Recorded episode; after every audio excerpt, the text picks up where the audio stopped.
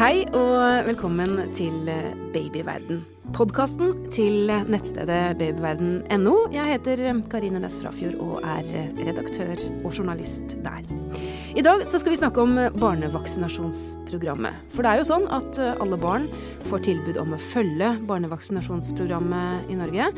Og erfaring viser at vaksinene de beskytter mot sykdommer på en enkel og effektiv og ufarlig måte. Men få av oss vet hva en vaksine egentlig er, hvordan de virker, og kanskje også hvilke sykdommer vi blir vaksinert eh, mot. Og derfor har vi invitert deg, Margrethe Greve Isdal, velkommen. Takk, takk. Du er eh, overlege og spesialist i barnesykdommer ved Folkehelseinstituttet, og det er vel dere som har best oversikt over dette med vaksiner her i landet? Ja, altså det er vi som har ansvar for drift eh, og oppfølging av barnevaksinasjonsprogrammet i Norge. Så der eh, vurderer vi både de vaksinene som er i programmet, og sørger for at de blir eh, distribuert, altså blir sendt ut, og blir, at vi følger, følger, opp eventuelle bivirkninger, og at vi følger med på effekten av eh, vaksinene som brukes. Eh, og har en del ekspertise på det området, rett og slett. Det høres jo ut som et stort felt, dette her. Ja, det mange spørsmål kanskje, og mange problemstillinger dere kommer opp i. Absolutt, absolutt, det er det. Hva er det foreldre lurer mest på når det gjelder uh, dette barnevaksinasjonsprogrammet? Nei, altså jeg tror nok de både lurer på om eh, de liksom Trenger vi alt dette? Det er nok et ganske vanlig spørsmål. Det trenger vi disse vaksinene? Og det andre de lurer på, er eh, om det er trygt eh, å gi disse vaksinene til barna. Så det prøver vi jo så godt vi kan å svare ut på begge deler. At ja, du trenger det, og ja, det er trygt. Men hva er barnevaksinasjonsprogrammet egentlig? Altså Barnevaksinasjonsprogrammet ble etablert i 1952. Eh, da det, begynte det å bli mer og mer tilgjengelig med forskjellige vaksiner som kunne beskytte mot alvorlige sykdommer som eh, har eh, krevd mange barneliv opp gjennom historien. Så det som ble innført i 1952, det var vaksine mot tre sykdommer. Da var det difteri, eller det som kalles for ektekrypp, og så var det stivkrampe og kikhoste. Hadde det mye å si den gangen for barnedødeligheten? Ja, absolutt. Det var jo mange, mange barn som døde av disse sykdommene i, i de årene eh, før vaksinen kom. Og difteri, altså krypp, det var f.eks. en stor epidemi under krigen. Mange barn som døde. 90 barn, tror jeg, i ett år. Eh, og samme med kikhoste, som alltid har krevd veldig mange barneliv eh, før vaksinen kom. Er det sånn at det er bare i Norge man har dette, eller et sånt program, eller er det i andre land også? Nei, tvert imot. Det er jo så å si i alle land nå. Nå er det vel av eh, alle barn i verden, så det er 86% av alle spedbarn som har fått tre doser mot disse tre sykdommene, difteri, sivkrampe og kikhoste. Og det er eh, noe som eh, Verdens helseorganisasjon har jobbet veldig hardt for å få til, at det skal bli tilgjengelig ikke bare for de barna i den rike delen av verden, men også for barn i mindre ressurssterke deler av verden. Men eh, barnevaksinasjonsprogrammet i Norge det eh, er jo nå utvidet, så det er mye mm. mer enn disse tre ja. sykdommene? Nå er det tolv sykdommer vi vaksinerer mot, og alle Altså et krav for at det skal bli tatt inn som en vaksine i barnevaksinasjonsprogrammet, er at det da må være en sykdom som gir alvorlige følger eller fører til dødsfall.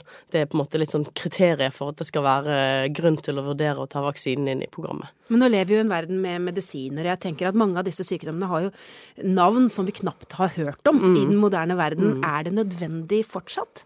Ja, det er faktisk det. Og de sykdommene vi vaksinerer mot, fins det i grunnen ikke så veldig god behandling for. Eh, og noen av de kan du behandle med antibiotika, f.eks., men det vet vi at antibiotikabruken har gått ned, f.eks., etter at man innførte de vaksinene. Det gjelder den pneumokokkvaksinen, altså den som går mot lungebetennelsebakterien. Eh, og i tillegg så ser vi at eh, du eh, på en måte reduserer en del sykelighet generelt. Eksempel med meslingvaksinen så gjør det at du ikke får ettersykdommer etter meslinger, så gjør at du også får en, en bedre helsetilstand. Og Meslinger er en virus, sykdom, og den kan man ikke behandle på andre måter. Det gjelder i grunnen flere av disse sykdommene. Så er det jo også en vaksine som kommer litt senere i programmet, som er mot kreft. Og vi vet jo det at kreft kan du behandle, men det er jo ikke alltid det går bra likevel. Mm. Eh, nå er det blitt sånn at det er økt da, som du sier, fra tre til tolv vaksiner. Hva skal til da for at en ny eh, vaksine kommer inn i programmet? Det gjøres jo en ganske grundig vurdering i forkant, og da er det gjerne både for å se på hvor stor sykdomsbyrde vi har i Norge av den sykdommen, det er en ganske viktig analyse som gjøres i forkant, og det gjøres ved å samle inn sykdomsdata fra forskjellige kilder. Og I tillegg så må det være en effektiv vaksine, sånn at vi vet at vi kan beskytte mot sykdommen ved å vaksinere, og så skal det være en, en vaksine som har god dokumentasjon på både effekt og sikkerhet. Har det hendt at man har tatt ut uh, vaksiner av programmet? Ja, vi har tatt ut uh, koppevaksinen. Den ble tatt ut på slutten av uh, 1970-tallet. Da var ikke det nødvendig lenger å vaksinere mot kopper. Og så har BCG blitt tatt ut av Den, den går mot tuberkulose. Den ble tatt ut av det allmennvaksinasjonsprogrammet i 2009. For da så man at det, man fikk ikke noen gevinst ved å vaksinere alle barn mot BCG, så sparte man Det var så sjelden med tuberkulose at det var ikke en grunn til å vaksinere alle barn, men heller å konsentrere seg om om risikogrupper. Men nå hører vi at tuberkulose har kommet tilbake igjen? Ja, men det er fortsatt veldig veldig lite tuberkulose i Norge, og det er i risikogrupper det stort sett holder seg. Så det er veldig lite nordmenn som er født i Norge med norske foreldre som får uh, tuberkulose. Men når man har fått et nytt barn og skal inn i dette programmet, hvor viktig er det at man følger dette punkt og prikke? Skal man ta alle vaksinene, eller kan man på en måte shoppe litt rundt?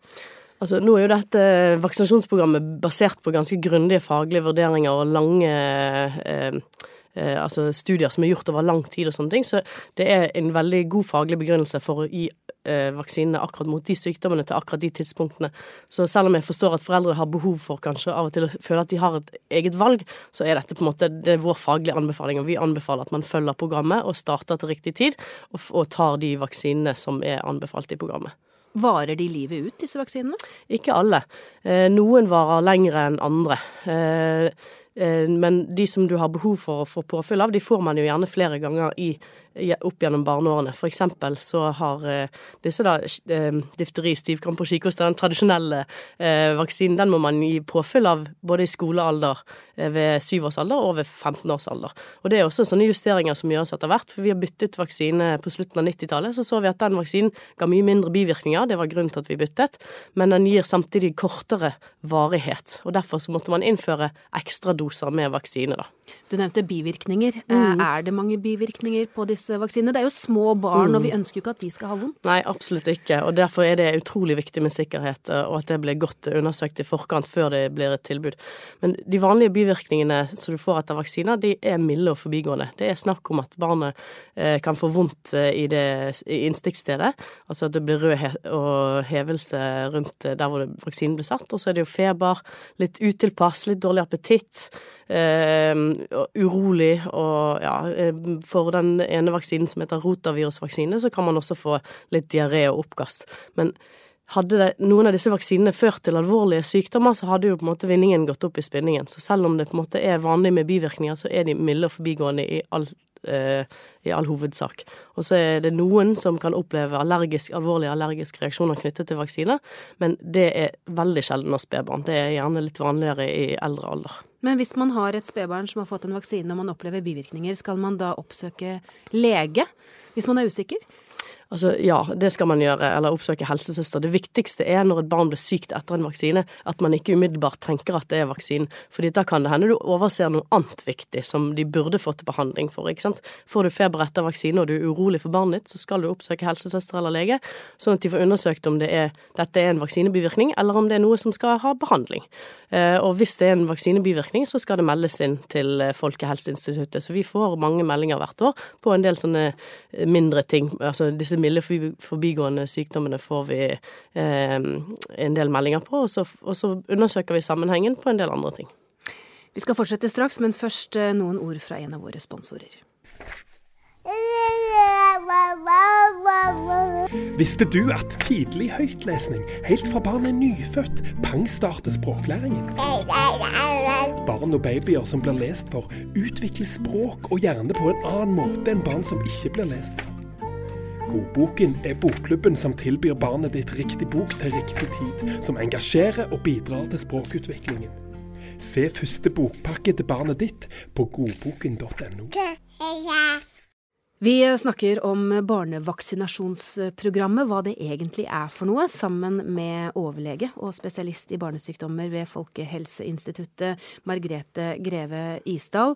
Og um, vi har snakket litt om bivirkninger, og da forstår jeg da at foreldre har vel uh, ikke så veldig mye å være bekymret for når det gjelder uh, barna sine og disse vaksinene?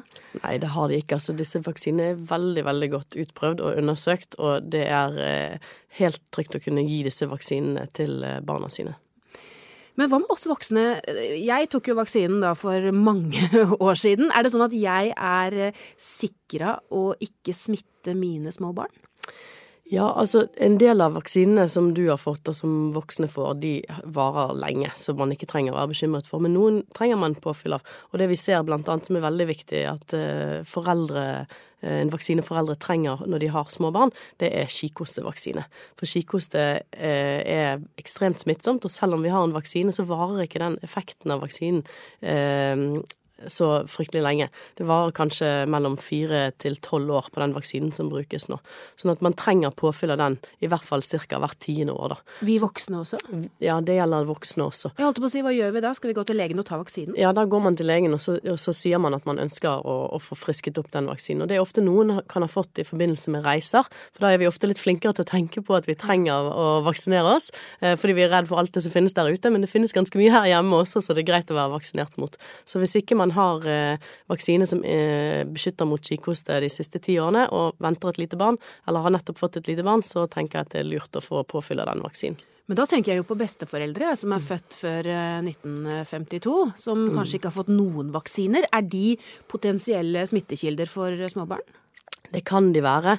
Nå vil nok mange av de ha vært eh, utsatt for en del av disse sykdommene før det kom i vaksinasjonsprogrammet. Og de som er født i 1952 kan også ha eh, eh, blitt vaksinert med de gamle vaksinene som da, som jeg sa i sted, ga mer bivirkninger, men som ga lengre tid med beskyttelse. Mm. Sånn at det er ikke sikkert at de gjør det, men det er helt klart at vi anbefaler det til alle de som har kontakt med små barn. De bør være vaksinert mot kikhoste. Så vi må sende besteforeldrene til legen også, ja. vi altså, mm. rett og slett. Rett og slett. Er det noen Du nevnte jo det at når vi drar på reise f.eks., så mm. vaksinerer vi oss. Er det noen vaksiner som ikke er med i barnevaksinasjonsprogrammet som vi bør tenke på, vi som omgås barn? Ja, altså, det viktigste for barnet når det gjelder reise, er å følge barnevaksinasjonsprogrammet. Sånn at frem til du er blitt ett år, så er det egentlig ikke så mange andre vaksiner du kan ta eh, før du skal ut og reise. Mens foreldre, hvis de skal ut og reise, så må de ta kontakt med et reisevaksinasjonskontor og få råd i forhold til det stedet de skal til. Og eh, ikke bare i forhold til vaksiner, men sånn generell smittevernregler, hygiene, hvordan er sykehusforholdene dit de skal reise og sånne ting. Så det er greit å ha litt kunnskap om før man skal reise av gårde med små barn. Og dette med influensavaksine som vi hører så mye om, det har jo heller ikke noe med dette å gjøre. Det må man også tenke på separat eventuelt. Ja, altså influensavaksine er jo først og fremst en vaksine som anbefales til risikogrupper, fordi den skal gi individuell beskyttelse. Eh, og gravide eksempel ser man har et mer alvorlig forløp av influensa enn ikke-gravide kvinner. Sånn at eh, det er en anbefaling til gravide kvinner. Og hvis du blir vaksinert som gravid, så vil du også ha en beskyttelse i en viss tid til det nyfødte spedbarnet fordi du selv har beskyttelse. Så det er viktig å tenke på når man er gravid. Men hvordan vet vi hvilke vaksiner vi har, eller hvilke Altså, jeg, vi vet vel egentlig Vi kan ikke vite, vi, om våre foreldre fulgte vaksinasjonsprogrammet. Det er ikke alltid man har den kunnskapen. Hvordan Nei. kan vi finne ut hva vi selv er vaksinert mot? Nei, altså, det kan jo begynne med å spørre foreldrene om man tok imot eh, tilbud om vaksinasjonsprogrammet, og de som har på en måte fulgt det, har jo på en måte en viss sikkerhet i at de har eh, fått det som ble tilbudt på det tidspunktet. Mm. Eh, I tillegg så er de som er født etter 1996, så er det noe som heter mine vaksiner. så du kan gå inn på helsenorge.no og registrere deg inn med sånn bank-ID. Og da kan du se hva slags vaksiner du får. Så for de ferskeste, håper jeg, de yngste foreldrene, så vil de kunne, kunne finne informasjon der. Men for de som er eldre, da må de spørre foreldre og foreldrene sine, og eh, eventuelt se om de kan hoste opp et gammelt vaksinasjonskort. Men hvis det er umulig, må vi bare da må du anta, ta på nytt? Hvis, hvis foreldrene dine sier at du, du fulgte vaksinasjonsprogrammet, men jeg husker ikke hva du fikk, men du fikk noen flere stikk, så kan du regne med at du har nok fått det som var tilbudt på det tidspunktet. Du lurer på en ting til, og det er jo dette med kombinasjonsvaksiner. Det, mm. det høres liksom litt sånn mm. Jeg vet ikke, skummelt ikke eh, men, men, men, hva er det? Eh, hvorfor kan vi ikke bare få én og én? Hvorfor må de slå sammen, og hjelper det noe? Ja, det gjør det faktisk. Fordi det gjør en utrolig, mye, en utrolig stor forenkling av vaksinasjonsprogrammet. Eh, den ene kombinasjonsvaksinen som gis til barn nå, den er mot seks eh, sykdommer, blant annet. Eh, og da får man de, beskyttelse mot alle de sykdommene på én gang. Fordelen da er jo at man slipper så mange stikk. Man slipper å ha gått glipp av noen stikk for noen av vaksiner, så at noe har glippet, sånn at det er lettere å få fullstendig vaksinasjon. I tillegg så blir det nødvendig med færre sånne tilleggsstoffer i vaksinen. da, fordi du, du tilsetter på en måte det, de støttestoffene som du trenger i en vaksine for at den skal virke, det tilsetter du per sprøyte og ikke per sykdom. Sånn at du på en måte får en mindre mengde av det også. Og så, um, får du, ja, så får du en forenkling, så du slipper å gå så mange ganger til helsestasjonen. Så det blir fryktelig travelt i barseltiden da. Det er praktisk, egentlig, mm, altså. Mm. Ja. Nå har vi jo hørt litt om uh, bivirkninger, men hvordan virker en, en vaksine? Ja, altså En uh, vaksine virker ved at den skal trene opp immunforsvaret ditt til å forstå hva som er farlig. Sånn at uh, en vaksine består av da enten levende, svekket uh, sykdomsfremkallende agens, altså bakterie eller virus, eller bestanddeler av et dødt eller inaktivert virus eller bakterie. Og da gis den til personen, sånn at immunsystemet til den personen reagerer på at dette her er noe farlig, dette må vi reagere på uten at du blir syk. Og så lager immunforsvaret et minne eh, på den, det de har blitt utsatt for. Sånn at hvis du da treffer på det ekte virus eller bakterien senere, så vil, eh, så vil immunforsvaret ditt reagere og tilintetgjøre dette viruset eller bakterien uten at du blir syk noen tilfeller så kan man bli syk likevel, men du får da et mildere forløp av sykdommen enn du ville fått hvis du ikke hadde vært vaksinert. Ja, det var det jeg lurte, så vi mm. vet at det virker. Det er vi såpass testet det ut. Det er såpass testet ut, og det er testet ut i, både i enkelte altså, i, i, studier, i mindre studier før det på en måte ble, fikk markedsføringstillatelse, eller før det kunne tas i bruk, og i tillegg så ser man på, på tallene på hvilke sykdommer som nå eksisterer. Ikke sant? Du sa jo selv i sted at uh, vi ser jo ikke noen av disse sykdommene lenger, fordi at vaksinene er så effektive at de har nesten gjort at sykdommene har forsvunnet. Og dermed så har man ikke et forhold til disse sykdommene lenger, sånn som man hadde før. Det blir på en måte litt sånn spøkelser fra fortiden, men vi trenger fortsatt De smittestoffene er der ute, men vi blir ikke syke av det. Men hvor lenge tror du vi må vaksinere oss mot disse sykdommene? Er det sånn at vi kan eliminere etter hvert eh, flere og flere av disse vaksinene også? Ja, altså det er jo på en måte et overordnet mål, da, at man kan gjøre det. Eh, blant annet så jobber man jo veldig iherdig for å få utryddet polio globalt. Eh, og det har man jobbet eh, ganske intenst for. Det viste seg å være litt vanskeligere enn det man først trodde, men nå nærmer det seg. Og nå var det vel i fjor bare jeg tror det var under 30 tilfeller av polio globalt. Sånn at den vaksinen kan kanskje om 20 år være unødvendig. Eh, så jobber man også ganske intenst mot å, å eliminere meslinger. Altså, og det er på en måte å utrydde det også, men det er såpass smittsomt at det viser seg å, å være veldig vanskelig. Og spesielt i, i, områder hvor ikke vaksinasjonsdekningen mot meslinger er så høyt. Så det kommer nok til å ta betydelig mye lengre tid. Og da sa du noe som var eh, veldig viktig. Ikke vaksinasjonsdekning. Flokkimmunitet er et eh, annet ord. Det skal vi snakke om i et eh, annet program, for dette med vaksiner det er stort tema, og det er et mm. ganske omfattende tema. Mm. Så du skal få lov å komme tilbake. Men takk for nå, overlege og spesialist i barnesykdommer ved Folkehelseinstituttet, Margrethe Greve Isdal. Hvis du lurer på mer om dette temaet, finner du mange artikler på babyverden.no og diskusjoner med andre foreldre i Babyverdens diskusjonsforum.